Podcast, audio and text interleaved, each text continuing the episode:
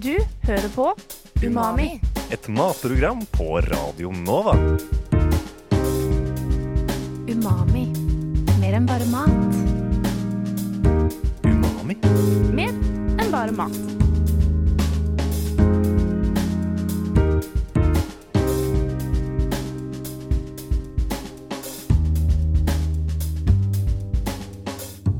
Umami? Mer enn bare mat? Jeg lurer på om dere hadde noen nyttårsforsetter for 2019? Å spise sunnere. Nå må jeg inne på det. Hva er det som er sunnere? Det er jo mer grønnsaker, eh, kanskje litt mindre kjøtt. Hvitt kjøtt. Eh, mer fiber. Fisk, ja. ja. Jeg har ikke råd til det, jeg er student. Så da blir det omega-3-tilskudd. Men eh, ja. Ja, og sånn gikk det altså da vi spurte noen på gata om de hadde noen nyttårsforsetter for 2019. Uh, hjertelig velkommen til denne sendingen av Umami på Radio Nova med meg, Henrik Evensen, og min medprogramleder Miriam Folland. Hallo. Eh, I dag skal vi snakke om dietter og kosthold. Fordi det er nemlig et nytt år, og mange av oss har nok planer om å eh, bli flinkere til å spise sunt og kanskje gå ned litt i vekt, eh, inkludert meg selv. Eh, og Miriam, har du noe forhold til å tenke på kosthold? Har du noen gang gått på diett? Ja, jeg har aldri gått på diett, men jeg har definitivt perioder hvor jeg fokuserer mer på kanskje å spise mer hjemmelaget mat og mer grønnsaker og mindre sukker og fast food og sånn. Men har du noe forhold til eh, kalorier, eller eventuelt å telle kalorier? Eh? Ja, litt. Jeg har jo på en måte vært inne på det, men eh, jeg fant veldig fort ut at det ikke var noe for meg. Det litt eh, ble, Det blir litt sånn Jeg blir fort sånn fanatisk på det. Ja. Det blir litt stressende. Det kan kanskje føles litt feil å ha for mye fokus på sitt eget kosthold. Eh, Det har i hvert fall vi funnet ut eh, mens vi har lagd den eh, eller forberedt denne sendinga. For vi har testa hver vår relativt strenge diett, faktisk. Med vekslende hell, kan vi vel si. Eh, og det skal dere få høre litt om eh, senere i sendingen. Um, vi har også snakket med en som jobber som kostholdsveileder og gruppetreningsinstruktør ved SIO Atletica eh, i Oslo. Og vi skal få høre hva hun mener er et sunt og godt kosthold. For det er jo, kan være ganske forvirrende å orientere seg i hva man bør og skal spise. Eh, det er ganske mange motsigende tips og råd der ute. Eh, men vi skal forhåpentligvis klare å eh, lose deg gjennom eh, denne forvirrende jungelen av forskjellige kostholdsråd. Ønsker du å gå ned i vekt? Go123 inneholder den patenterte NGC-formuleringen. years straight. Comes rapid results by Jenny Craig. Lose up to 16 flexibility pounds so in you your can live first life and still lose weight. So no matter how often hungry Get real results with Nutrisystem for Men. You know, my wife told me I'm not as disgusting to her as I used to. Go123 i dag og få halv pris på første pakke. Send Go! 16 pounds for $16 of the plus glycemic processed food and get that separates the $120 carbs from fat. Now carbs are no week longer free. Go to WeightWatchers.com slash free and start today.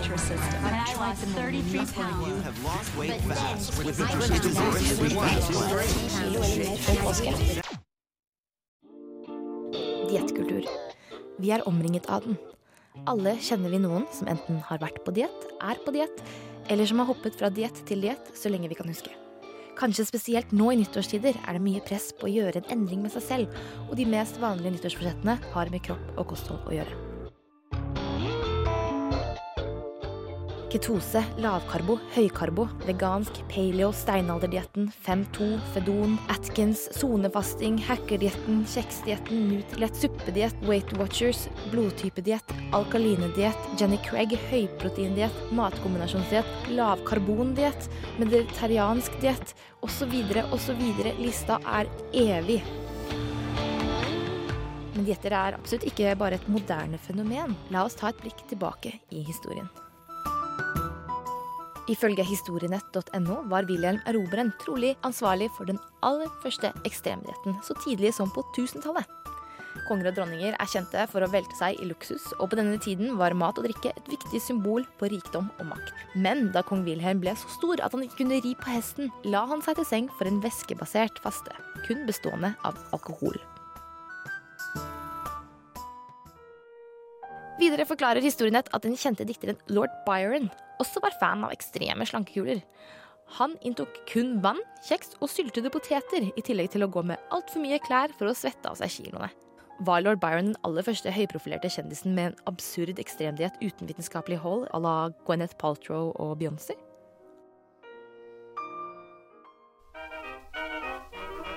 Den kanskje ekleste dietten jeg har lest om, er en fra 1900-tallet, der man kunne kjøpe kapsler med ormer som ville spise opp maten i magen din for deg. Ifølge historienett kan ormene leve i tarmen i flere år og bli opptil seks meter lange, og har bivirkninger som kvalme, hodepine og diaré. Yikes. Diettene ble flere og flere utover 1900-tallet, med alt fra eksessiv tygging, røyking, skrubbing, soving og til og med amfetamin.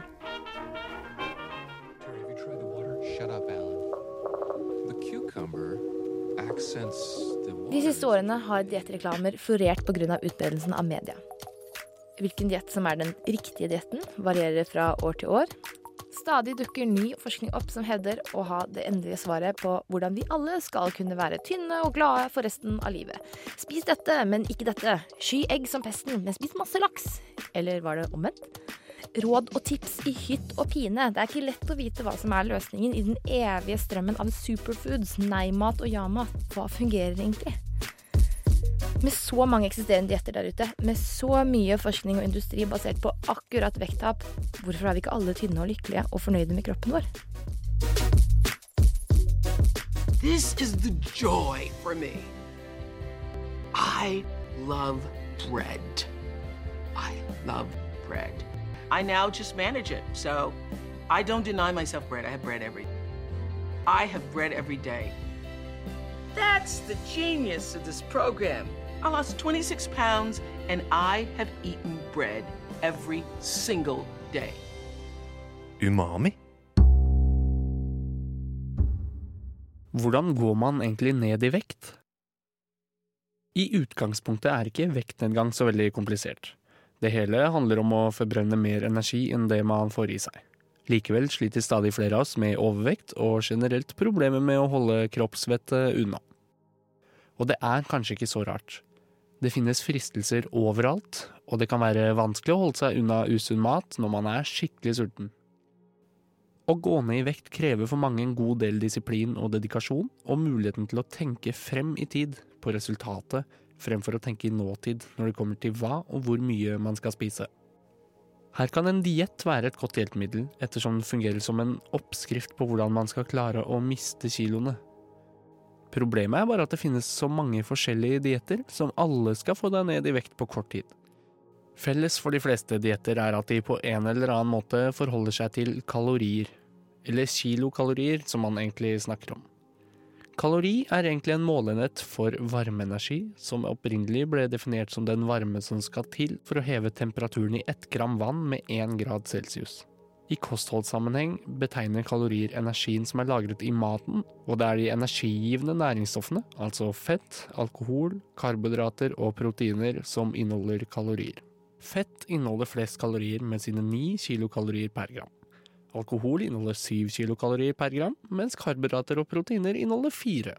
Får man i seg flere kalorier enn kroppen er i stand til å bruke, blir disse lagret som energi i kroppen, og aller helst i form av fett. Og det er ingen begrensninger på hvor mye fett kroppen er i stand til å lagre, så lenge man spiser mer enn man forbrenner. Samtidig kan det virke umulig å vite hva som egentlig er sunt for kroppen. Statens ernæringsråd anbefaler å spise mer av frukt, grønnsaker, bær og fisk, og mindre av rødt og bearbeidet kjøtt, matvarer med høyt saltinnhold, sukker, brus, saft og godteri. I tillegg anbefaler de at man velger grove kornprodukter i stedet for fine, at man benytter olje og myk margarin fremfor smør, at man velger magre meieriprodukter fremfor fete, og at man drikker vann i stedet for saft og brus. Men dette er noe de aller fleste vet, og kanskje også til en viss grad forholder seg til i hverdagen. Likevel blir vi stadig fetere. NRK meldte i 2018 om at syv av ti nordmenn var klassifisert som overvektige, altså at syv av ti nordmenn har en BMI på over 25. Overvekt og fedme har mange fysiske og psykiske konsekvenser. Det kan bl.a. føre til hjerte- og karsykdommer, diabetes type 2, visse former for kreft, belastningsskader, men også lavt selvbilde og begrensninger i hvilke aktiviteter en kan delta i. Av at stadig flere blir klassifisert som overvektige, er det enkelte forskere som mener at BMI-skalaen må endres for å følge utviklingen. Men vi blir jo ikke tynnere av den grunn. Så hva gjør egentlig dette fokuset på kosthold og dietter med oss? Enkelte tall peker faktisk på at vi i dag spiser mindre sukker og fett og mer frukt og grønt enn vi gjorde tidligere, i tillegg til at det er mer kostfiber i maten vår nå enn før, selv om forskningen på dette feltet er mangelfull. Kanskje er det et lavere aktivitetsnivå som er grunnen til at vi som befolkning stadig blir fetere. Kroppen er uansett flink til å si fra når den er sulten, men den er kanskje ikke alltid så flink til å si fra når man er mett. Dermed er det lett å spise mer enn man trenger, i hvert fall når maten smaker godt. Et godt tips kan være f.eks. å bruke mindre tallerken, slik at man ikke forsyner seg med mer mat enn man egentlig trenger. Det er umulig å vite nøyaktig hvor mange kalorier man får i seg hver dag, men det kan være lurt å lytte til kroppen når den sier fra når man trenger påfyll av energi. Og kanskje må man bare lære seg å stoppe å spise i tide? Jeg tok en prat med Lise Marie Semb, som jobber som senterkoordinator på SIO Atletica på Kringsjå i Oslo, i tillegg til at hun er kostholdsveileder, personlig trener og gruppetreningsinstruktør for SIO Atletica, som blant annet tilbyr seks treningssentre rundt i Oslo, spesielt tilpasset studenter. Lise Marie tar meg med på et lite kontor på SIO Atletica sitt treningssenter på Fredrikke, i selve hjertet av Blindern. Rett utenfor kontoret er det noen som steller seg under en vektstang og gjør seg klar til å ta noen saftige knebøy. Hva vil du si er et godt kosthold? Eh, et godt kosthold er mat som gir overskudd til å ha det bra i hverdagen. Eh, det gir eh, en god balanse uten at du trenger å tenke noe mer over det. Og så gir det næring til kroppen, slik at du holder deg frisk og opplagt. Jeg spør henne om hva hun anser som typisk sunn mat, men jeg får et svar som er litt mer generelt enn det jeg egentlig hadde regnet med å få. Jeg tenker jo Sunn mat det er uh, først og fremst ikke en uh, spesifikk matvare. Men det er den balansen og variasjonen i kostholdet som gjør at det, det blir et sunt og godt kosthold. Mm. Mm. Så det er ingen matvaregrupper du kan, eller vil trekke fram? på en måte? Nei, altså vi, vi kan jo forholde oss til um, Helsedirektoratet sine kostholdsanbefalinger. at man benytter seg av de verktøyene som, eh, som finnes der. Eh, både de kostholdsrådene som eh, de har gitt ut, men òg eh, sånne ting som eh, nøkkelhullsmerking, brødskalaen At man ser litt etter det da, i butikken. Mm. Du sier at et godt kosthold gir deg energi i hverdagen. Mm. Um, hva skal til for å ha et kosthold hvor du på en måte opplever det motsatte? Da er det mer inntaket det går på. Eh, at eh, man kanskje ikke får et tilstrekkelig inntak. Eh, at det blir ja, energitett mat som ikke gir næring, men også sjeldne måltid. At du ikke opprettholder et jevnt inntak utover dagen. da. Jeg må innrømme at jeg fortsatt er litt forvirret når det kommer til hva man egentlig bør spise, særlig hvis man ønsker å gå ned i vekt. Jeg spør derfor om Lise Marie har noen dietter hun anbefaler hvis man ønsker å oppnå en vektreduksjon. Når det kommer til, til diett, så tenker jeg at det er veldig midlertidig. Eh, at det, eh, hvis du har et midlertidig mål om å gå ned i vekt, så kan det være en løsning. Eh, men har du et mål om varig vektnedgang, så vil jeg heller sette på større endringer som bidrar til at du får en vektreduksjon over tid. da. Sånn som å endre vaner på, på kostholdet, på aktivitet, um, ting du gjør i løpet av dagen.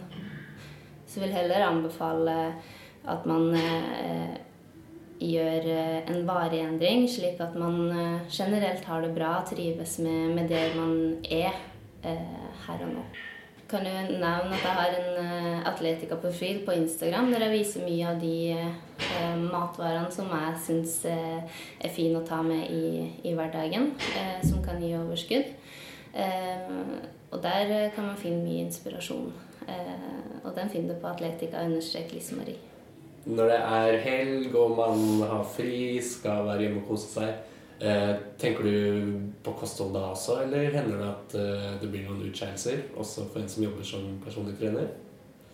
Ja, altså, jeg tenker det er helt naturlig i, i den balansen i, i kostholdet. Eh, og ikke nødvendigvis en, at man kategoriserer det som utskeielser, men at basen i kostholdet er, er, såpass bra for kroppen min at når jeg eh, ja, kommer til helga og har lyst på den sjokoladen, så så er ikke det noe problem, fordi eh, man kjenner at det, ja, det går opp i opp, da. Mm. På fredag eh, førstkommende eh, så starter vi eller et matkurs som heter Sunn og enkel mat. Eh, studentmat eh, gjennom Atletica. Og der skal vi snakke mye om eh, hvordan man finner enkle og praktiske løsninger i hverdagen. da. Eh, og det, det, kurset kan du finne på eh, sio.no eh, under kurs på trening. Og der, det kan du også spørre om i resepsjon. Så det, det, er en fin anledning til å lære mer om, om både kosthold og næringsstoffer, men også hvordan man kan ta det med ut i praksis. Du hører på Umami på Radio Nova. Veganisme er en trend som har tatt av de siste årene, og er i stadig oppmarsj. Jeg har vært vegetarianer og pesketarianer litt om hverandre siden jeg var tolv, og har i de siste årene beveget meg så smått ut på veganerterritoriet. Men jeg har aldri sett på det som en diett. Derimot så vet jeg at mange bruker det som en diett. I en uke nå så skal jeg teste ut den dietten og sjekke hvordan det er. Jeg har valgt det som kalles clean vegan, eller et rent vegansk kosthold, så hva kan jeg egentlig spise og ikke spise? På nei-listen finner vi kaffe eller annen koffeinholdig drikke, alkohol, prosessert mat, sukker, gluten, altså alt med hvetemel, og salt. Her er det man bør spise begrensede mengder av. Naturlig sukker, altså det som er i frukt og bær. Soya. Mat med stivelse, slik som hvite poteter og ris. Olje og fett. Ja-lista inneholder som følger grønnsaker, linser og bønner, nøtter og frø, og masse, masse vann. Jeg er spent. Frukt og grønt er jo godt, og man kan jo steke, koke og blende det og bruke alt annet krydder enn salt. Så jeg er optimistisk ved start. La oss høre litt hvordan dette har gått. God morgen. Det er dag én. Moren min er en langtidsforkjemper for veganerlivsstilen. Og hun har også prøvd denne dietten to ganger og har vært veldig fornøyd med den, så jeg gikk til henne for tips. Blant de tipsene jeg fikk, var at jeg burde spise brokkoli om morgenen. Nå sitter jeg og spiser frokost. Jeg må innrømme at det faktisk ikke er så ille som jeg trodde det skulle være. Jeg vet ikke om jeg hadde liksom bare glemt at grønnsaker egentlig er veldig godt for deg selv. Det jeg ser for meg kommer til å bli faktisk den aller største utfordringen, er kaffe. Jeg drikker mellom to og fem kopper kaffe hver dag. Så det her kan bli utfordrende. Koffein er et stoff som finnes naturlig i planter. Stoffet er i kaffe, te, energidrikker, cola og diverse medisiner. Ifølge Folkehelseinstituttet drikker voksne i Norge 4,5 dl kaffe i gjennomsnitt hver dag. Personlig er jeg avhengig av kaffe fysisk, men også psykisk. Jeg drikker også mye Pepsi Max til vanlig. Så hva kan jeg forvente når jeg nå slutter? Vel, de mest vanlige symptomene er hodepine, man blir også veldig sliten og har vansker med å konsentrere seg. Da var første dag snart over. Jeg føler meg egentlig ganske utmattet. Jeg dro på trening, ble veldig veldig sliten. Jeg hadde null energi. Jeg tror kanskje problemet er litt at jeg spiser altfor lite. Det er så vanskelig å få i seg nok, for magen blir så full. Så ja, prøver igjen i morgen. God morgen. Det er dag to. Jeg føler meg ekstremt dehydrert. Jeg drakk bare ca. to en halv liter vann i går. Selv om jeg prøvde på fire. I dag må jeg prøve litt hardere. Et annet tips mamma ga meg, var å drikke masse vann. Grønnsaker har veldig mye fiber, og fiber er bra for fordøyelsen, men spiser du store mengder fiber, kan det føre til forstoppelse. For å unngå dette er det kjempeviktig å drikke veldig mye vann. Jeg satser på ca. fire liter om dagen. Som en som pleier å drikke kanskje en halv liter om dagen, så kommer nok dette til å bli ganske utfordrende. Det er slutten på dag to av dietten. Jeg føler meg egentlig utrolig sliten. Jeg merker at det er vanskelig å fokusere, og jeg er sulten hele tiden. Uansett hvor mye jeg Jeg sliter fortsatt med å få i meg nok drikke. Fraværet av kaffe er hardt. Forskning viser at en plantebasert høykarbodiett kan lede til vektreduksjon og minske sannsynligheten for å få diabetes type 2. Den store mengden fiber i frukt og grønt skal også gjøre at man kan spise større mengde mat uten ekstra kalorier. Noe som kan hjelpe hvis man sliter med overspising. Nå er det kveld, klokka er ca. åtte, og jeg har satt meg ned for å spise en banan med peanøttsmør. Peanøttsmør er veldig høyt på fett, banan er høyt på sukker. Så dette er egentlig en litt no-no, men jeg kjenner at etter i dag så har, er eh, motivasjonen sykt nede. Så jeg skal kose meg med det, og så håper jeg at dag tre blir bedre. Jeg utførte jo en ekstremversjon av denne dietten for å se hvordan jeg føler meg. Dag tre og fire gikk ikke veldig bra. Etter hvert som timene går, krever kroppen og appetitten mer og mer oppmerksomhet. Hodepinen setter inn, enten pga. kostholdet, men sannsynlig også pga. koffeinabstinenser. Mye hvilestyrke må til ved kveldstid for å ikke slenge seg over ostepopen i skapet. Her kommer de slitne opptakene av dag tre og fire. Begynner å bli ganske lei av grønnsaker. Jeg våknet opp dehydrert som vanlig. Eh, Jeg glemte helt å ta opp noe i går kveld. Eh, Men jeg kom inn så sent, og jeg var potte sur. Jeg måtte drikke Pepsi Max, da. OK, folkens. Det er slutten på dag fire, og jeg slenger offisielt inn håndkle. Så nå skal jeg lage meg brødskive, eller kanskje pasta og nudler og noe sjokolade. Ja. eh, Ha det for denne gang, diett. Eller egentlig ha det for alltid. Aldri igjen.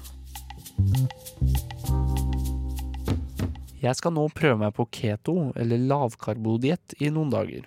En diett som går ut på at man får i seg så lite karbohydrater og sukker som mulig. Selv om karbohydrater i utgangspunktet er det drivstoffet musklene og hjernen foretrekker, skal man altså kutte ned på akkurat dette, noe som tvinger kroppen til å hente energi fra andre kilder. I ketodietten omdannes fett til ketonlegemer, som er ufullstendige nedbrytningsprodukter av fett som kan utnyttes som energikilde i kroppen, og skal gi deg bedre evne til fettforbrenning og mer stabil energi i hverdagen, et lavere blodsukker som reduserer risikoen for diabetes, mindre magefett, lavere risiko for en lang rekke livsstilssykdommer, økt mentalt og fysisk overskudd, og generelt bedre fysisk helse. For å finne ut litt mer av hvordan ketodietten fungerer, tok jeg en prat med min venn Jon Oskar Falkenstein Tveita, som selv har gått ned mange kilo da han i et halvt år gikk på ketodietten.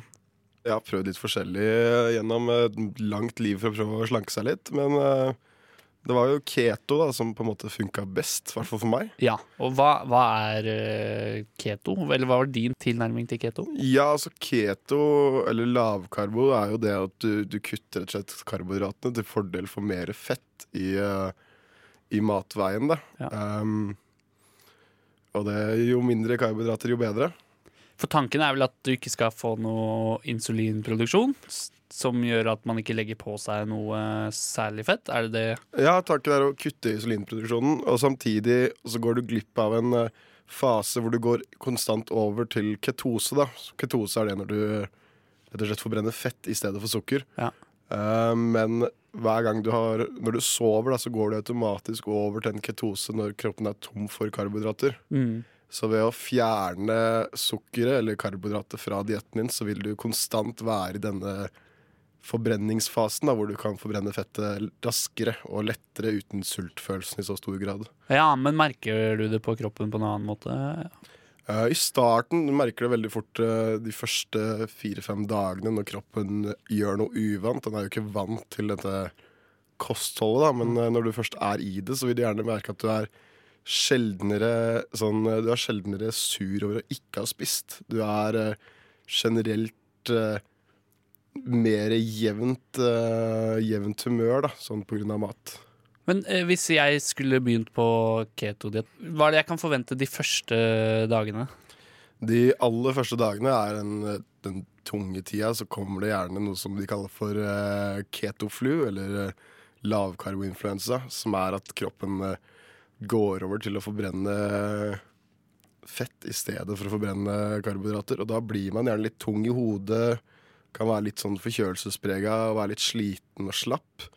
Det, og det er mye av grunnen til at mange ikke tror at keto er noe sunt da, på denne transaksjonsfasen. Men eh, når det er ferdig, så er man eh, tilbake der man starta, bare generelt litt mindre sulten over tid. da. Ja. For å starte dietten gikk jeg til innkjøp av bl.a. blant annet egg, nøtter, spekeskinke, tomat, squash, avokado, brokkoli og spinat, og gjorde meg klar til å forberede litt fett. Ja, da var jeg i gang med keto-dietten, og første måltid blir en frokost med egg, spekeskinke og salat. Det gleder jeg meg veldig til. Jeg har valgt å erstatte brød med, med salatblader, så jeg får noe sprøtt i bånn på et vis. Vi skal se om det funker.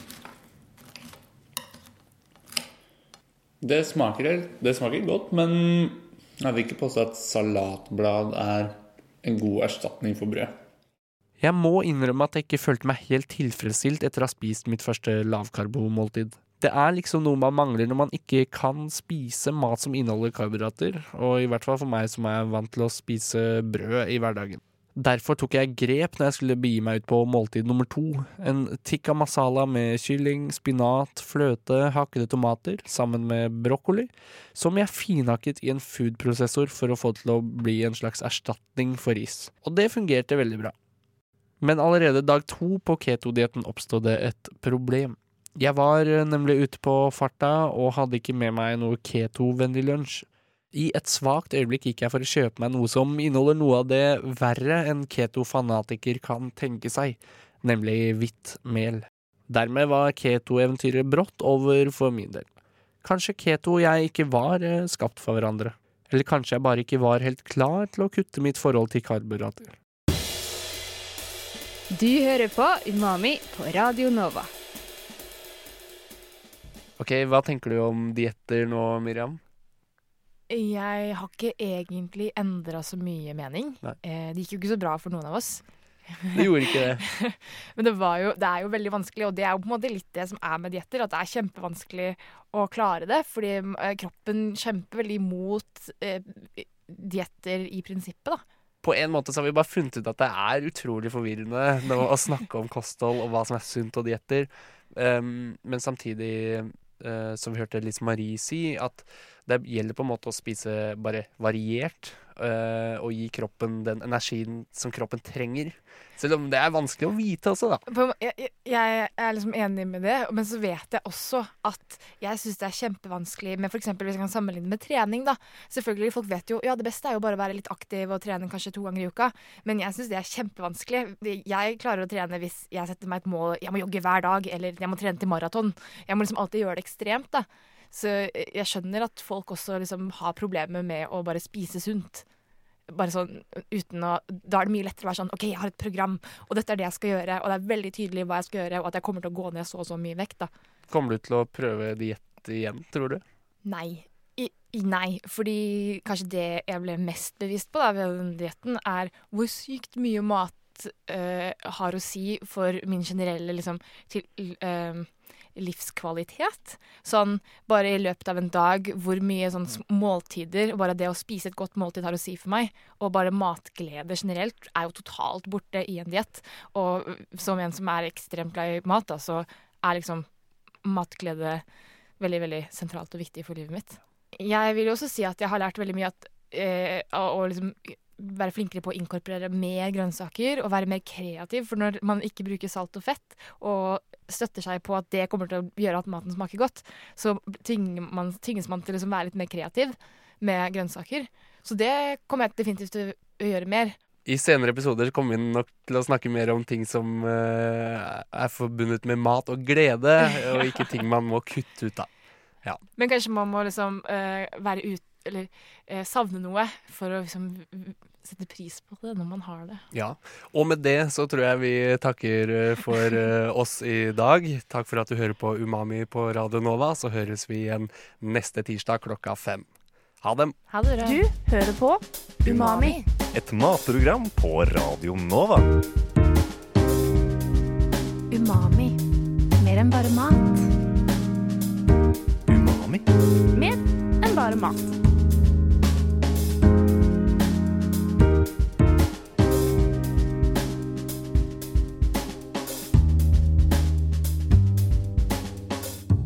Umami mer enn bare mat.